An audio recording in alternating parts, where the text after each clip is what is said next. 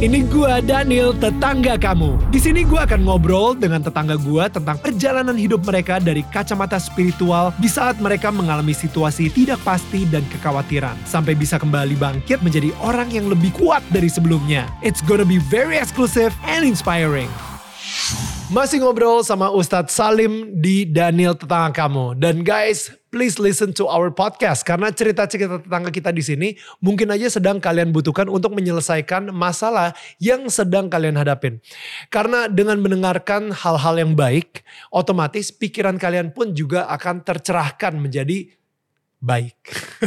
Dan kalian bisa cek di digital platform podcast kesayangan kalian. Search aja Daniel Tetangga Kamu. Dan kita langsung balik ke Ustadz Salim lagi ya. Um, jadi gini Tat. Tadinya kita ngomongin soal ujian yes. um, di pernikahan. Uh, apalagi kan kayak Ustadz sendiri bikin buku bahagia merayakan merayakan cinta. cinta. Aduh. Yes. Seneng deh ada contekan di situ. Jadi iya, iya. ada bisa tim, langsung baca nih. Iya, ada timnya Ustadz yang yang ya, pakai pakai bajunya gitu kan. Jadi bahagia merayakan cinta gitu. Nah, jadi um, tapi uh, karena gini, kadang-kadang kita apalagi dengan adanya sosial media, Mm-mm. sering banget kita membandingkan pernikahan kita dengan pernikahan orang lain di sosial media. Yang kayaknya kok mereka kayaknya bahagia aja, yes. gak ada gak ada pertikaian, mereka aduh couple goals banget gitu. Yeah. Mereka kayaknya happy happy terus mm gitu, kayak gak ada ujiannya sama sekali, bahkan smooth banget mereka jalan-jalan ke sini lah, mereka ke ke luar negeri lah, ke okay. dan lain-lain. Kayaknya bahagia terus. Anak-anaknya, waduh, anak-anaknya juga lucu-lucu, lucu-lucu gitu, ganteng-ganteng, cantik-cantik yeah, yeah. gitu, kayak perfect banget gitu hmm. kan. Tapi ketika lu ngebandingin uh, diri lu atau pernikahan lu dan keluarga lu dengan keluarga orang lain, oh my goodness, itu udah itu awal dari sesuatu yang akan merusak membandingkan diri kita dengan orang lain dalam berbagai aspek lebih-lebih dalam soal keluarga hmm. itu akan menjadikan kita kurang bersyukur ya. dengan apa yang sebenarnya kita raih. Sebenarnya kan orang Jawa bilang urip iku wang sinawang, hidup itu kita hanya melihat orang lain seakan apa yang dialami orang lain itu enak. Padahal hmm. kalau kita hmm. diminta menjalani yang dia jalani hmm. belum tentu enak juga ya. gitu. Ada hal-hal yang tidak kita ketahui. Ya. Ada hal-hal yang tidak diekspos ya. yang mungkin mereka untuk mencapai apa yang mereka perlihatkan kepada kita itu struggle-nya luar biasa. Nah, jadi ujian terbesarnya dari pernikahannya Ustadz Salim sendiri itu salah satunya tentang keturunan ya. Waktu awal-awal pernikahan itu hmm. uh, istri saya total itu keguguran empat kali. Jadi uh, dua sebelum anak pertama, dua sudah anak pertama. Oh wow, oke. Okay. Ya. Yang pertama kali itu ketika usia kandungannya empat bulan di awal pernikahan. Berarti ini baru nikah belum nyampe setahun dong ya? Belum nyampe. Dan waktu itu saya ingat betul saya mendampingi dia di rumah sakit, konstruksi datang pergi dengan rasa sakit yang luar biasa. Sekarang kalau dia cerita, itu waktu kontraksi karena keguguran itu lebih sakit daripada kontraksi melahirkan.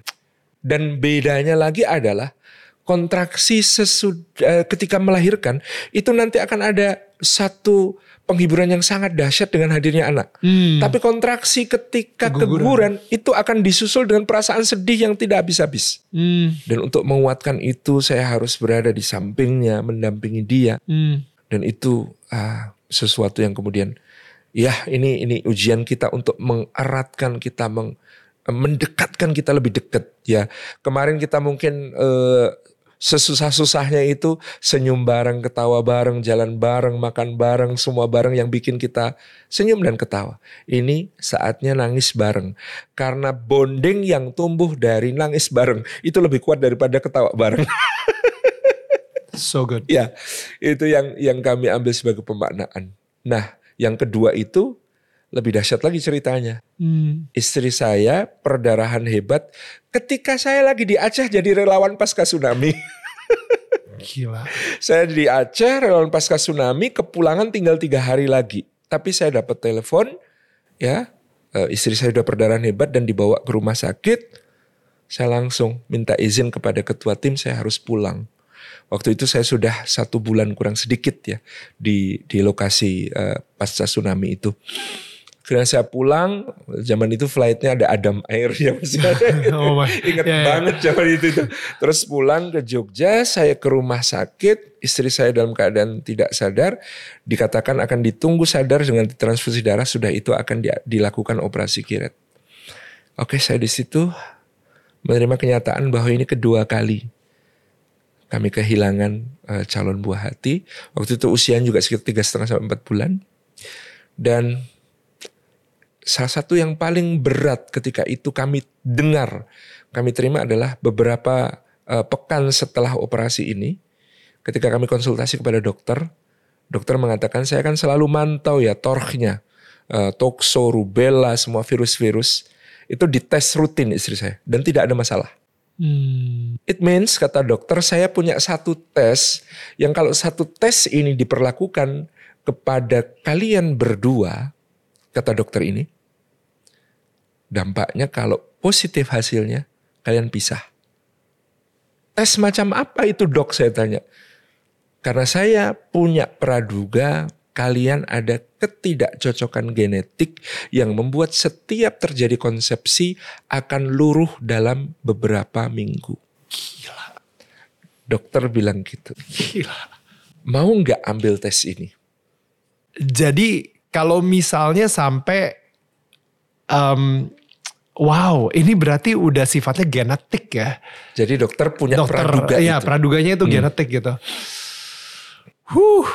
Okay. Jadi akhirnya diambil atau saya tidak tes ya?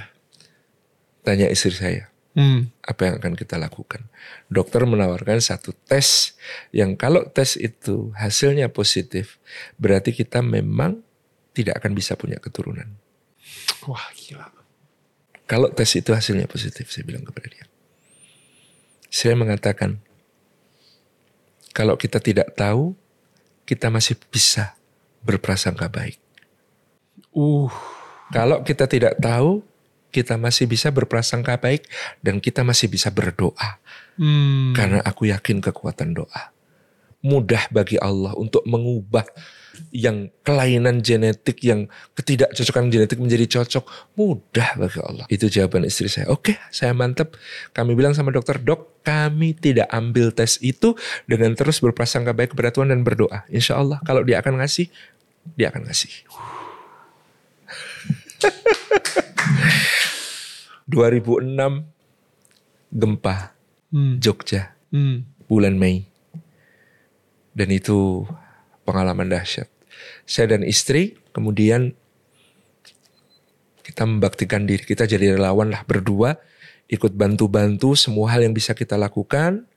Um, saya ngawal tim medis ke mana-mana untuk kemudian menolong korban. Di hari H itu masjid kami di Jogokaryan tuh itu jadi kayak rumah sakit darurat. Hmm. Saya itu sampai memangku seorang bapak yang tidak tertampung di rumah sakit dalam keadaan kepalanya itu bocor luka dan saya mentalkin sampai beliau meninggal karena kita tidak punya pertolongan apa pun kecuali untuk membebat lukanya supaya tidak perdarahan.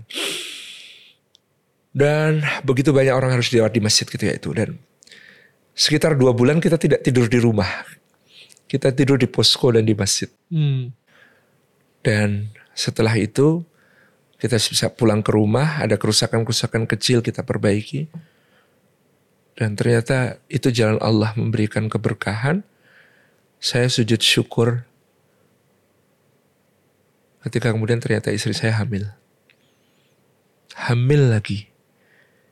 Dan ini hamil ketiga kan? Hamil ketiga. Tapi belum... Begitu saya konsultasi ke dokter, dokter bilang, saya akan merekomendasikan istri kamu bed rest total. Gak hmm. boleh ke mana-mana, gak boleh aktivitas. Betul. Di rumah pokoknya. Jangan sampai keguguran lagi. Jangan sampai keguguran lagi.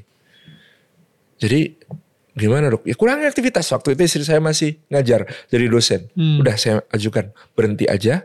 Kemudian di rumah. Hmm. Dia bed rest tiap hari saya nampingi. Itu ya, hmm. makan di tempat tidur.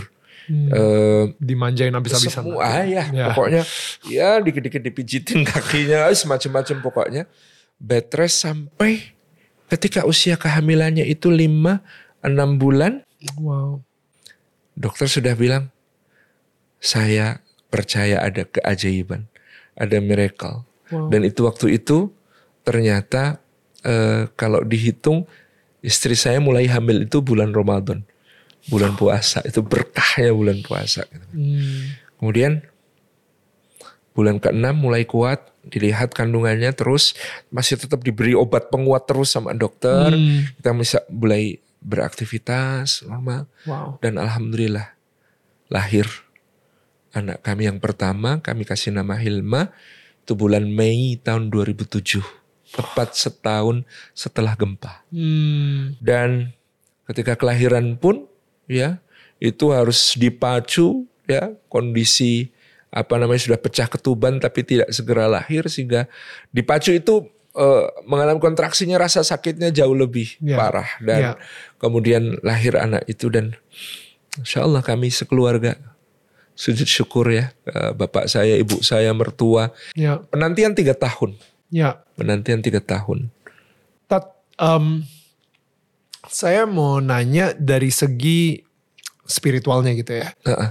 Kenapa eh, menurut Ustadz ya, kenapa Allah membiarkan dua keguguran itu terjadi? Maksudnya, em, apalagi yang keguguran kedua itu Ustadz sendiri lagi ada di Aceh membantu korban tsunami. Kayak kayak kesannya tuh gila, gue udah ngelakuin semua ini, tapi Iya. kenapa? Dan itu ujian yang terbesar banget gitu. eh, yang kedua itu dan belum lagi malah dikasih sebuah ujian di mana lo akan lebih percaya dokter atau lebih percaya sama Tuhan gitu. Iya. Ah, ketika itu eh, yang saya percaya adalah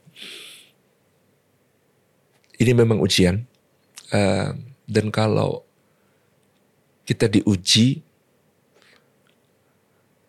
kita tetap tidak bisa protes tidak patut mempertanyakan sang penguji karena dia dengan memberi ujian memang hendak memberikan sesuatu yang lebih besar buat kita sehingga meskipun ya saya merasa justru waktu itu saya merasa di titik amal saya kurang, ibadah saya kurang, mungkin saya banyak dosa. Saya membantu orang juga mungkin belum optimal, belum maksimal. Bayangkan Mas Daniel di sana dengan 200 lebih, 200 ribu lebih korban. Apa sih yang bisa kita lakukan? Kita tuh kecil banget gitu.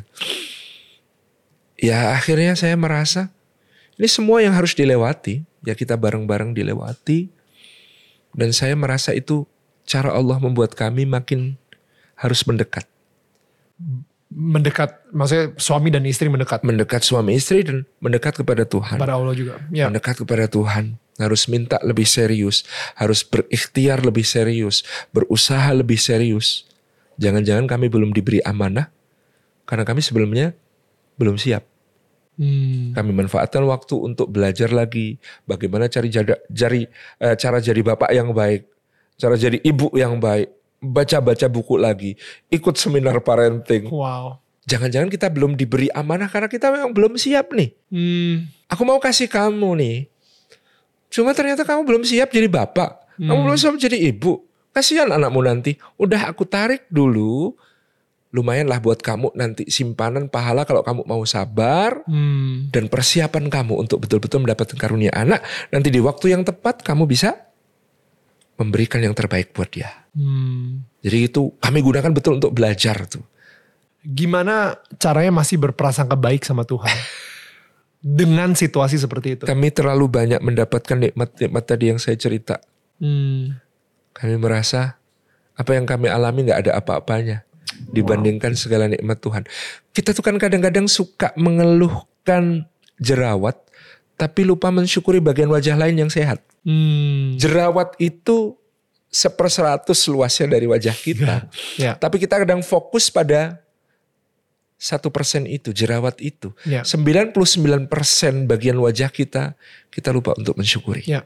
Nah kami berusaha untuk eh, kita tuh selain titik ini yang berat ini yang susah ini, yang lain kita dimudahkan, Hmm. yang lain kita diberikan begitu banyak nikmat kok. Hmm.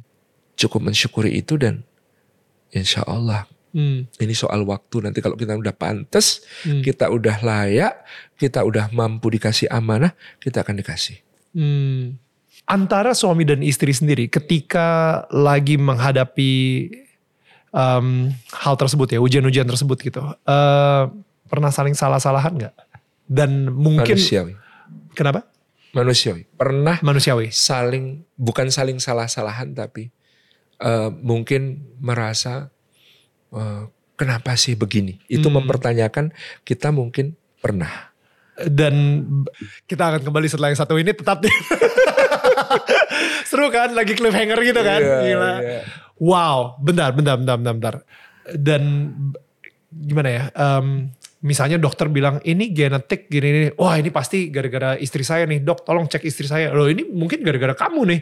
Eh, coba tolong cek suami saya and everything. Jadi kayak em, malah tumbuh rasa curiga, malah tumbuh rasa kayak em, ini kenapa Tuhan malah ngasih saya jodoh seperti dia yang mungkin tidak sempurna, Ya. yang tidak memberikan anak segala pertanyaan-pertanyaan seperti itu kan yang saya sebenarnya hmm, saya bertanya tapi lebih ke evaluasi apakah ini karena saya dulu memaksakan?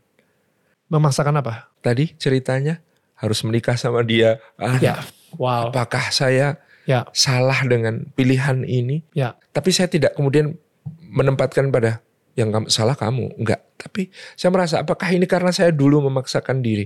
Apakah Wow. ini dulu karena saya merasa harus begini harus begitu? Wow, apakah itu dulu karena saya memaksa Tuhan maka Tuhan menguji seperti ini? Wow, ya, itu yang yang yang saya rasakan waktu itu begitu. Istri saya sendiri juga kemudian mengatakan justru dia yang banyak menguatkan. Ya kita dipilih untuk ujian ini karena kita mampu. Udah gitu aja. come on, come on, that's uh, sesuatu yang membuat saya merasa ya ini ini betul kita harus lewati. Ya kadang-kadang namanya perempuan uh, ketika moodnya nggak baik dia juga kemudian keluar kata-kata perasaan-perasaannya menyalahkan diri sendiri dan sebagainya dan itu yang lebih berat buat saya Hmm, daripada saya uh, memulihkan diri saya dengan se- se- segala segala hal yang kemudian membuat saya ragu-ragu dan sebagainya. Uh, ketika kemudian saya harus mendengarkan curahan hatinya, Hmm. mendengarkan dia merasa bersalah, mendengarkan dia uh, cerita tentang apa aku ini nggak layak jadi ibu ya, apa aku ini itu untuk kemudian uh, menguatkan dia itu menjadi PR lebih lebih berat sih bagi saya yang saya rasakan itu hmm, Nah, untuk meyakinkannya bahwa ya namanya ujian tetap harus kita lewati, tapi untuk meyakinkan dia bahwa ini bukan salah kamu, hmm, ini bukan karena kamu begini begitu enggak, hmm. tapi memang kita harus bareng saling Hmm. menguatkan. Itu itu yang yang saya rasa sih. akhirnya setelah setelah em, mempunyai anak pertama, Dua kali keguguran lagi dua terjadi. kali keguguran lagi gitu. terjadi. Iya. Eh. Dan Sehingga kita sempat berpikir jangan-jangan kita dikasih kesempatan hanya satu ini. ya, iya pasti, ya, gue juga Kita berpikir begitu. udah dah, gue punya anak tunggal dah satu, udah Iya. cukup. sempat berpikir begitu. Cuma ah, kayaknya si Hilma ini perlu ya eh, untuk supaya nanti dia tumbuh menjadi anak yang juga eh, tidak manja, anak yang juga memahami tugas dan kewajiban. Punya adik itu penting kayak dia. Jadi kan kami Hmm, bukan meminta anak untuk kami, tapi kami meminta berdoa kepada Tuhan untuk memberikan adik kepada dia karena dia Hmm. juga tanya, aku kok belum punya adik ya. hmm, dan kita terus berdoa sampai 8 tahun ya selisih anak pertama dengan anak kedua itu. Gila. 8 tahun. Dan kita berdoa ternyata ada satu hal menarik yang eh, kami nggak duga sebelumnya. Ada orang datang. Mas Salim sama Mbak Indah sudah keguguran berapa kali? Empat kali. Berarti eh, kemungkinan ada yang perlu dikuatkan, mungkin juga ada yang perlu didetox. Saya selalu positif aja menanggapi orang yang mengatakan begitu nggak kemudian mengatakan sok tahu dan lain sebagainya. Nggak. Ada saran Pak, saya bilang begitu. Dia menyarankan satu ilmu yang menarik. Kemarin saya baru nonton di TV ada tayangan itu untuk detox supaya pasangan subur itu pakai jeruk nipis. Gimana caranya Pak? Wah ini ada jeruk nipis sih. Jeruk nipis diperas airnya diminum tiap pagi sebelum mengkonsumsi apa pun untuk pasangan suami istri. Hari pertama satu, hari kedua tiga, untuk masing-masing. Hmm. Hari ketiga lima, Hmm. hari keempat tujuh, terus sampai hari ke delapan itu 15 butir untuk masing-masing. Saya Iya. udah kebayang 15 butir. Cut banget gitu. Terus nanti turun, turun, turun hari ke-15 satu lagi. Jadi terapinya 15 hari. Oke. Hari pertama satu, hari ke-8 15, naik terus. Oke. Terus habis itu turun, turun, turun lagi sampai satu lagi di hari ke-15. Oke. Nothing tulus. Udah kita coba gitu. Bismillah kita coba. Udah desperate itu namanya. Ya, Ya. kita coba. Betul kita coba, kita lakukan itu eh, tiap pagi gitu ya. Cut banget. Terus bulan Februari tahun 2014 waktu itu. Saya tuh umroh. Aha. Ya, bimbing jamaah umroh. Terus ya berdoalah di sana minta sama Allah. Pulang. Ya. Hmm. Pulang setelah beberapa hari di rumah. Pekan berikutnya, pekan berikutnya istri saya mual-mual. Hmm. Terus udah kita periksa Hmm. positif. Itu anak kedua lahir bulan Desember tanggal 4 Desember 2014 namanya Hmm. Nawaf. Dua tahun kemudian lahir di bulan Desember lagi namanya Jaisan. Dua tahun kemudian lahir di bulan Desember lagi namanya Labib. Jadi selisih dua tahun dua tahun. Bentar. Tapi pertanyaannya sebenarnya jeruk nipis ya atau umrohnya? kita nggak tahu yang mana fasilitas dari Allah yang kita kasih karena Iya. memang waktu itu jadwal saya bimbing umroh tiap bulan Februari Iya. dan ternyata tiap kali pulang istri hamil gitu terus istri dikasih Tuhan hamil gitu kita gitu. kita tidak pernah tahu ikhtiar yang mana doa yang mana yang kemudian menjadi jalan tetapi apa yang ada dalam jangkauan kita untuk dicoba Hmm. apa salahnya dicoba sepanjang itu adalah hal yang baik Ya. saya kira itu untuk teman-teman juga saya harap eh, mungkin apa ya jangan berkecil hati mungkin ada yang belum dapat keturunan dan Betul. sebagainya mungkin perlu dicoba tips tadi selain itu saya tipsnya dulu tuh yang sudah saya lakukan sebelum jeruk nipis adalah hujan-hujanan bareng karena eh, ini ada nasihat dari ulama eh, abad pertengahan ya namanya Ibnu Qayyim al Jauziyah hujan itu berkah dari langit menghidupkan bumi sesudah matinya Hmm. Bayangkan biji-bijian itu kita nggak tahu tiba-tiba ketika hujan turun dia langsung, Dia langsung hidup tumbuh, lagi. Ya, ya.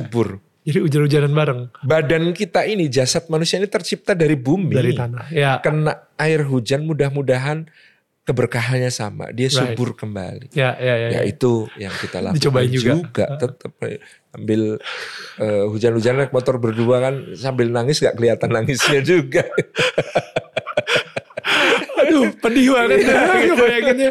Iya, itu yang Oh, kita wow. lakukan. Ya. Wow, tapi em, si jeruk nipis ini menurut Ustadz nih sebuah kayak alternatif Kan kepercayaan. alkali ya, eh, sifatnya alkali itu ya Science. logis-logis dikit lah. Dan ini ini mungkin sebuah pertanyaan yang sempurna banget untuk gue tanyain untuk eh, kepada Ya. eh, Ustadz Salim gitu karena Ustadz Salim sendiri untuk udah mengikuti sejarahnya masuknya Islam ke Indonesia. Berarti sebelum masuknya Islam ke Indonesia banyak masih em, mistis-mistis, Ya. hal yang kejawen, hal yang Hmm. berhubungan sama mandiin keris, eh, sama em, nungguin bulan dan lain-lain gitu kan, em, mandi kembang dan lain-lain.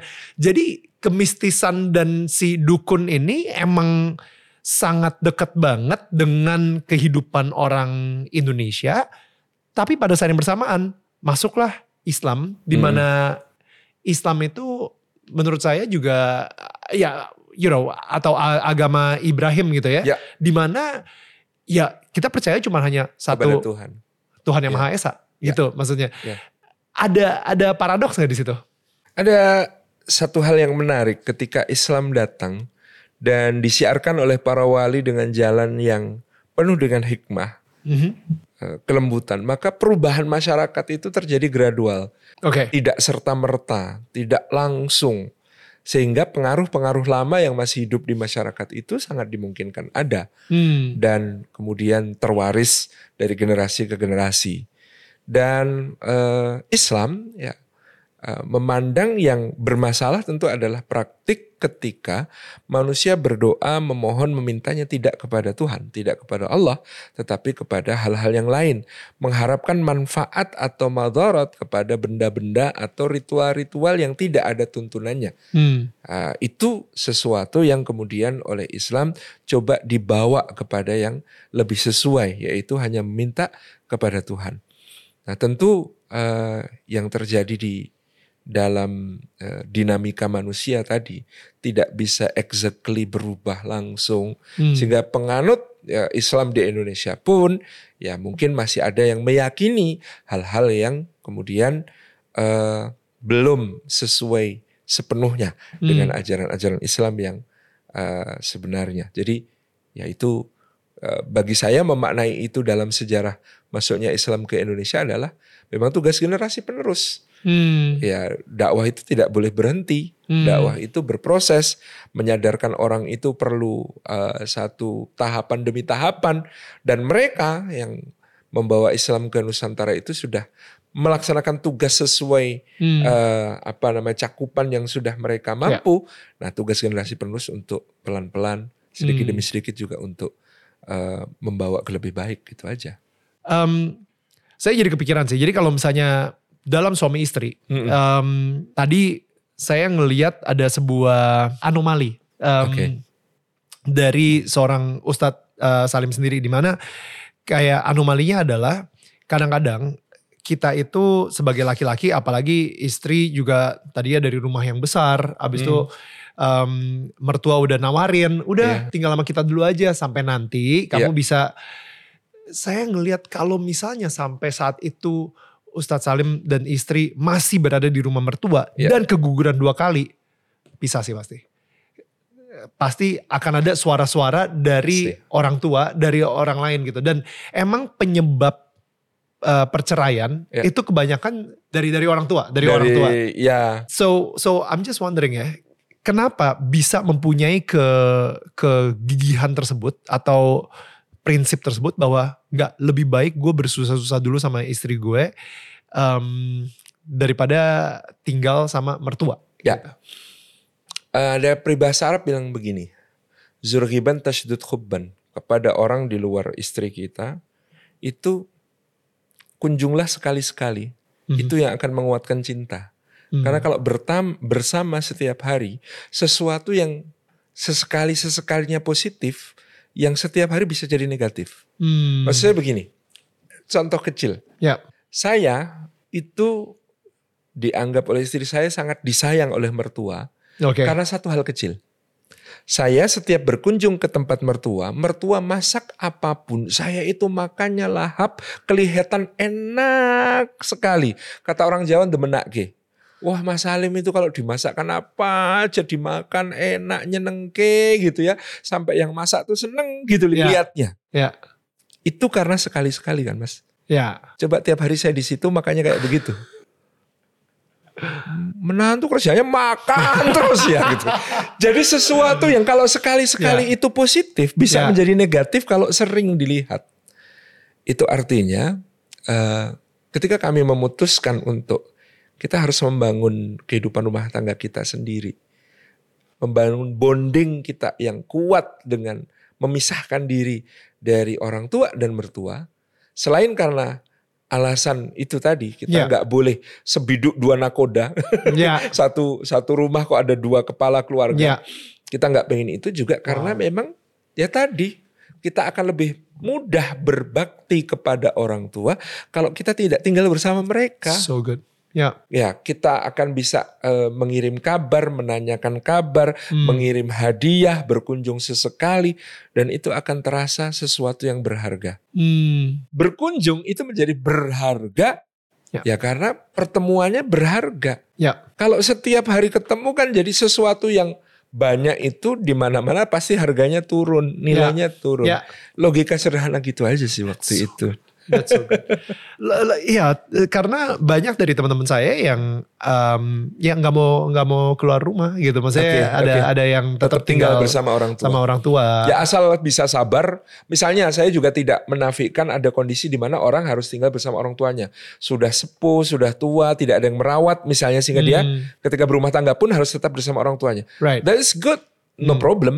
Hmm. Cuman kalau memungkinkan untuk tetap mandiri, bangun bonding suami istri yang powerful itu hmm. kayaknya lebih kondusif kalau tidak ada pihak lain yang terlibat yeah. di awal-awal itu That's aja so sih. good. Ya. Yeah. Um, sekarang nih berarti udah udah 19 tahun.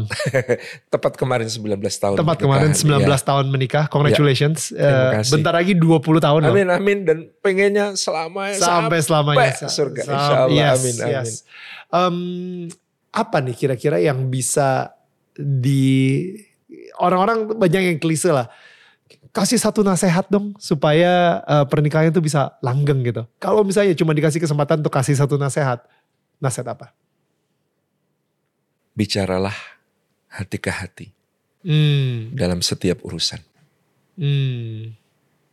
Itu kekuatan yang paling luar biasa. Ketika kita sudah merasa aku dan kamu sudah menjadi kita Hmm.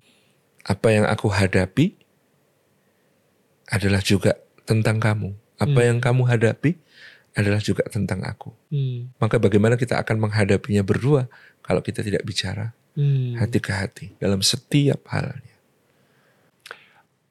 Saya mas hat, bicara hati ke hati itu kayaknya masih terlalu ambigu buat okay. saya. Um, aplikasinya seperti apa? Mari kita mari bicara. Enggak, saya selalu mengupayakan uh, berbagai hal yang uh, saya rasakan, saya hadapi. Hmm. Saya sharing sama dia. Sebagaimana dia pun uh, sharing sama saya. Kita menghadapi segala sesuatu, kita punya kesepakatan-kesepakatan untuk saling menjaga. Hmm. Bahkan begini, sebagai public figure saya merasa saya punya pintu-pintu godaan yang banyak. Hmm. Maka semua uh, akun medsos hmm. yang bisa diinstal di lebih dari satu gawai hmm. gadget, akun saya terinstal di gadget dia. Hmm. Kita bisa saling menjaga. Satu saat dia mungkin akan cerita, bah, ini ada DM, tapi hmm. DM-nya ini mengarah ke nggak bagus. Boleh saya blokir? Oke, okay, why not? Hmm. Nah hal seperti itu bisa jadi penjaga kekuatan wow. kita, saling percaya kita, gitu hmm. gitu ya. Kemudian juga di waktu-waktu tertentu kita harus punya couple time sih. Hmm. Ya meskipun ada anak-anak, tapi kadang-kadang kita harus melibatkan diri hanya waktu untuk berdua. Betul. Maksud saya adalah ini nggak harus mahal, nggak hmm. harus candlelight dinner di ya. restoran ini restoran itu. Cukup berkendara berdua, hmm. suami nyetir istri di sampingnya atau pakai motor, hmm. berboncengan dan hmm. ngobrol. Hmm. Bahkan ngobrol dengan tema-tema yang tidak penting hmm. itu penting. ngobrol tema-tema yang tidak penting itu, itu penting. penting. Hmm. Itu saya kira akan menjadi kekuatan kita. That's so good. Ya. Saya selalu merasa bahwa uh, ketika orang melihat pernikahan itu adalah sebuah goal, itu perspektif yang menghancurkan. Bahaya. Bahaya banget. Mm -mm. Karena justru pernikahan itu adalah sebuah beginning. It's a it's, it's a start. A beginning. Yes. It's a beginning. It's a journey. Itu, ya kan? itu a gate, uh, sebuah gerbang untuk sebuah kehidupan baru yang punya ujian-ujiannya tersendiri. Betul. Ada ujian ketika single, hmm. ada ujian ketika sudah menikah. Betul. Dan tipenya berbeda, Betul. bentuknya berbeda, ya kadarnya berbeda. Yang kita harus selalu siap karena hidup ini ujian. Betul aliran ujian yang gak habis-habis. Hmm. Jadi kalau kita merasa kita berbuat amal baik tapi dibalas di dunia atau merasa wah saya e, berbuat amal baik begini sehingga kemudian Tuhan baik kepada saya begini. Hmm. Ada yang bahkan ngitungnya matematis banget. Tuhan menjanjikan dilipatkan 10 kali dari derma saya maka hmm. saya mendapat 10 kali. Itu sebenarnya bukan balasan, itu ujian level berikutnya. Karena dunia ini ujian, Betul. balasan itu hmm. di akhirat. Bagi kita kan begitu. Betul. Jadi kalau kita merasa di dunia ini kita mendapatkan sesuatu dari Tuhan, jangan lupa bahwa itu ujian. Itu aja. ujian juga. Meskipun itu sesuatu yang mungkin karena dari uh, tahap sebelumnya adalah sebuah amal baik lalu kita misalnya mendapatkan kebaikan dari Tuhan. Kebaikan itu masih ujian lagi. Betul. Betul. Masih ujian level berikutnya, ujian level berikutnya. Betul. Gak habis-habis. Jadi saya um, ngelihat kebanyakan dari teman-teman saya gitu ya, apalagi yang melihat pernikahan itu sebagai sebuah goal, itu mere- mereka langsung yang ya udah deh gue udah nikah, udah kelar, sekarang move on to the next mission in life yaitu Yes. punya anak dan cari kerjaan yang ini untuk menafkahin keluarga gue. Ya. Dan si pernikahan itu udah dilupakan gitu. Pentingnya Dan nanti akan terserap ke dalam rutinitas. Itu makanya saya sendiri sebenarnya saya sebisa mungkin setiap kali ada buku yang bagus soal pernikahan itu saya selalu baca. Saya Oke. coba belajar, saya dengerin podcast tentang pernikahan, bagaimana cara uh, mempertajam pernikahan kita Hmm. dan lain-lain gitu. Karena ya we have to fight for our marriage gitu. Kita Yes. harus berjuang untuk pernikahan kita, bukan cuma santai-santai aja. Setiap tahap usia pernikahan ada ujian. Ada ujiannya Iya, juga gitu. iya. Iya, anak saya sekarang ini lagi mau masuk teenager, ada ujiannya. betul. Ah, anak saya nanti udah mau masuk kuliah bakal ada Pasti ujiannya ada lagi. ujiannya. Udah kerja, mau nikah, wah gila banyak banyak Luar banget sih. biasa. Iya, Betul. Iya, iya. Nah, ngomongin soal anak, ngomongin soal parenting nih sekarang, em, gimana cara Ustadz sendiri itu memberikan parenting em, advice mungkin ya kepada kepada tetangga-tetangga kita yang lagi nonton gitu. What em, apalagi tadi kita udah ngomongin kita ngomongin soal soal Pangeran Diponegoro sedikit ketika kita lagi off air gitu ya. Iya. Saya bilang em, Pangeran Diponegoro itu adalah seorang pahlawan yang em, berjuang melawan eh, ideologi yang ingin dimasuki oleh Belanda ke Indonesia gitu. Hmm. Nah, sekarang ini penjajah udah nggak perlu lagi secara fisik ada di negara yang lagi pengen dijajah. Ya. Karena mereka bisa menjajah secara digital. Dengan dengan sosmed, dengan apa pun em, konten-konten yang kita konsum, kita konsumsi, itu kita mendapatkan ideologi-ideologi dari si Betul. negara tersebut gitu. Betul. Nah, gimana nih sebagai seorang orang tua Ya. gitu ya untuk make sure anak kita itu jangan sampai tercemar em, atau mungkin mempunyai fondasi yang cukup kuat untuk bisa nggak tahu wah ini ideologi nggak sesuai dengan Ya. dengan gue gitu. Jadi ini gue tolak gitu misalnya. eh ini tantangan berat buat kita. Saya jujur mengakui, saya juga masih harus banyak belajar tentang itu dan pertama-tama sering ada orang tua mengeluh kepada saya, "Eh, anak saya kecanduan gadget, anak saya kecanduan eh, YouTube, kecanduan game, kecanduan game online bahkan. Hmm. Maka yang pertama yang kami lakukan di rumah adalah kami menyadari gadget itu tidak terhindarkan. Oke, anak kita itu eh, digital digital native mereka lahir sudah bisa langsung pegang gadget. Betul. Maka yang kita lakukan adalah kenapa sih anak-anak ini senang dengan gadget? Karena gadget itu responsif. Hmm. Disentuh dia kasih respon, dipencet dia kasih respon. Hmm. Ini akan menjadikan anak sangat tergantung kepada gadget kalau orang tuanya tidak seresponsif gadget.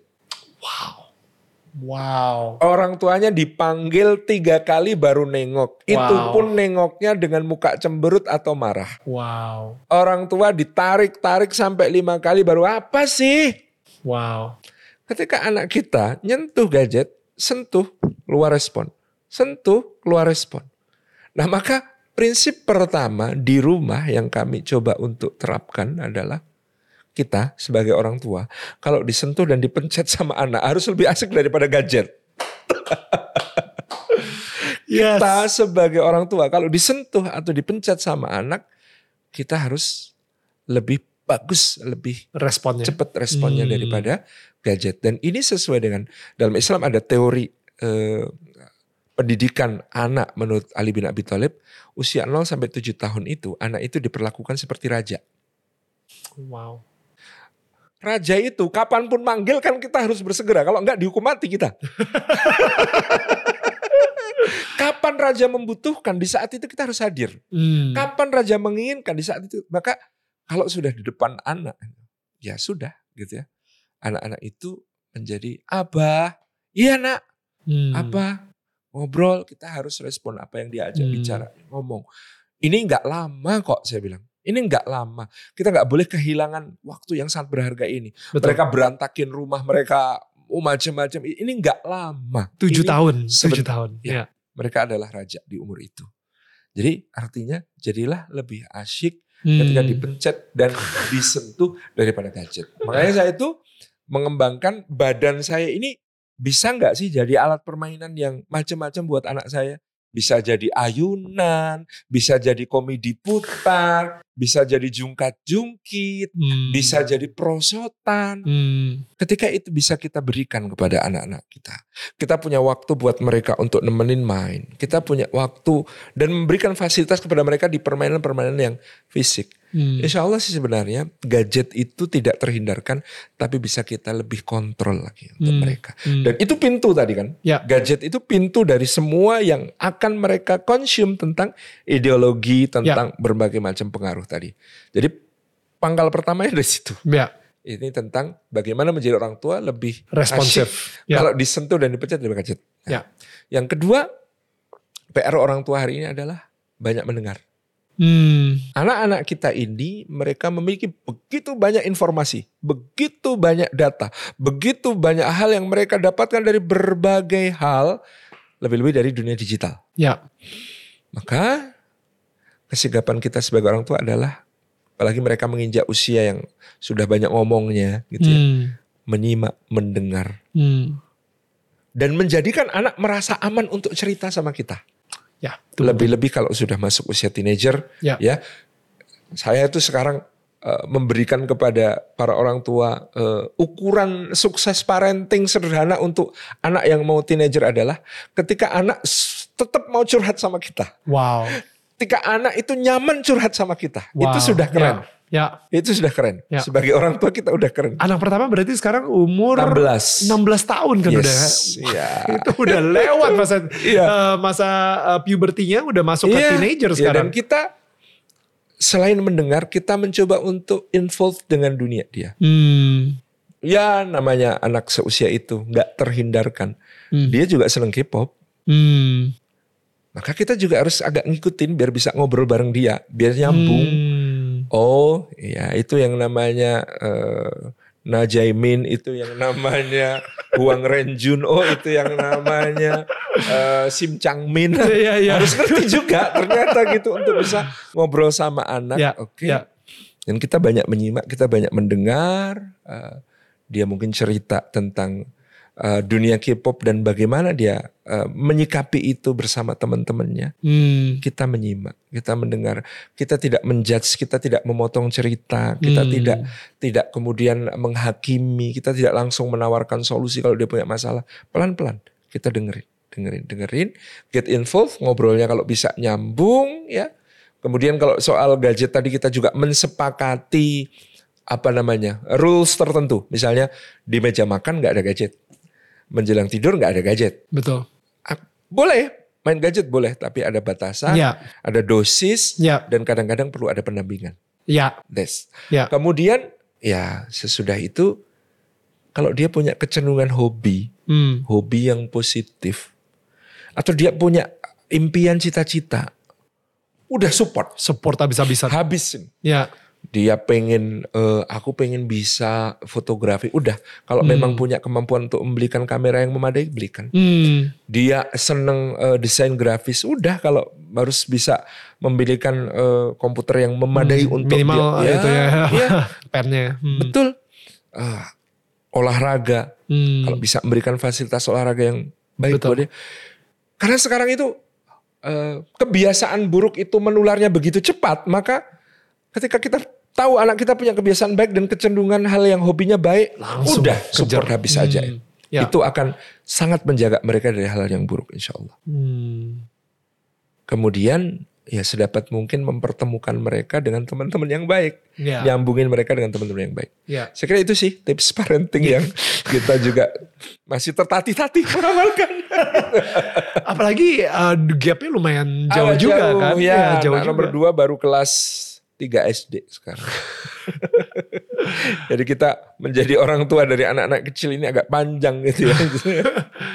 Tapi untungnya udah banyak latihan lah. Karena kan di awal-awal kan uh, banyak Iya. anak-anak yang uh, belajar ngaji juga Betul, di rumah betul. segala Itu- gitu. itu Jadi Salah satu ya yang kami syukuri alhamdulillah sekarang bermanfaat untuk Ya. anak-anak sendiri juga Ya. gitu.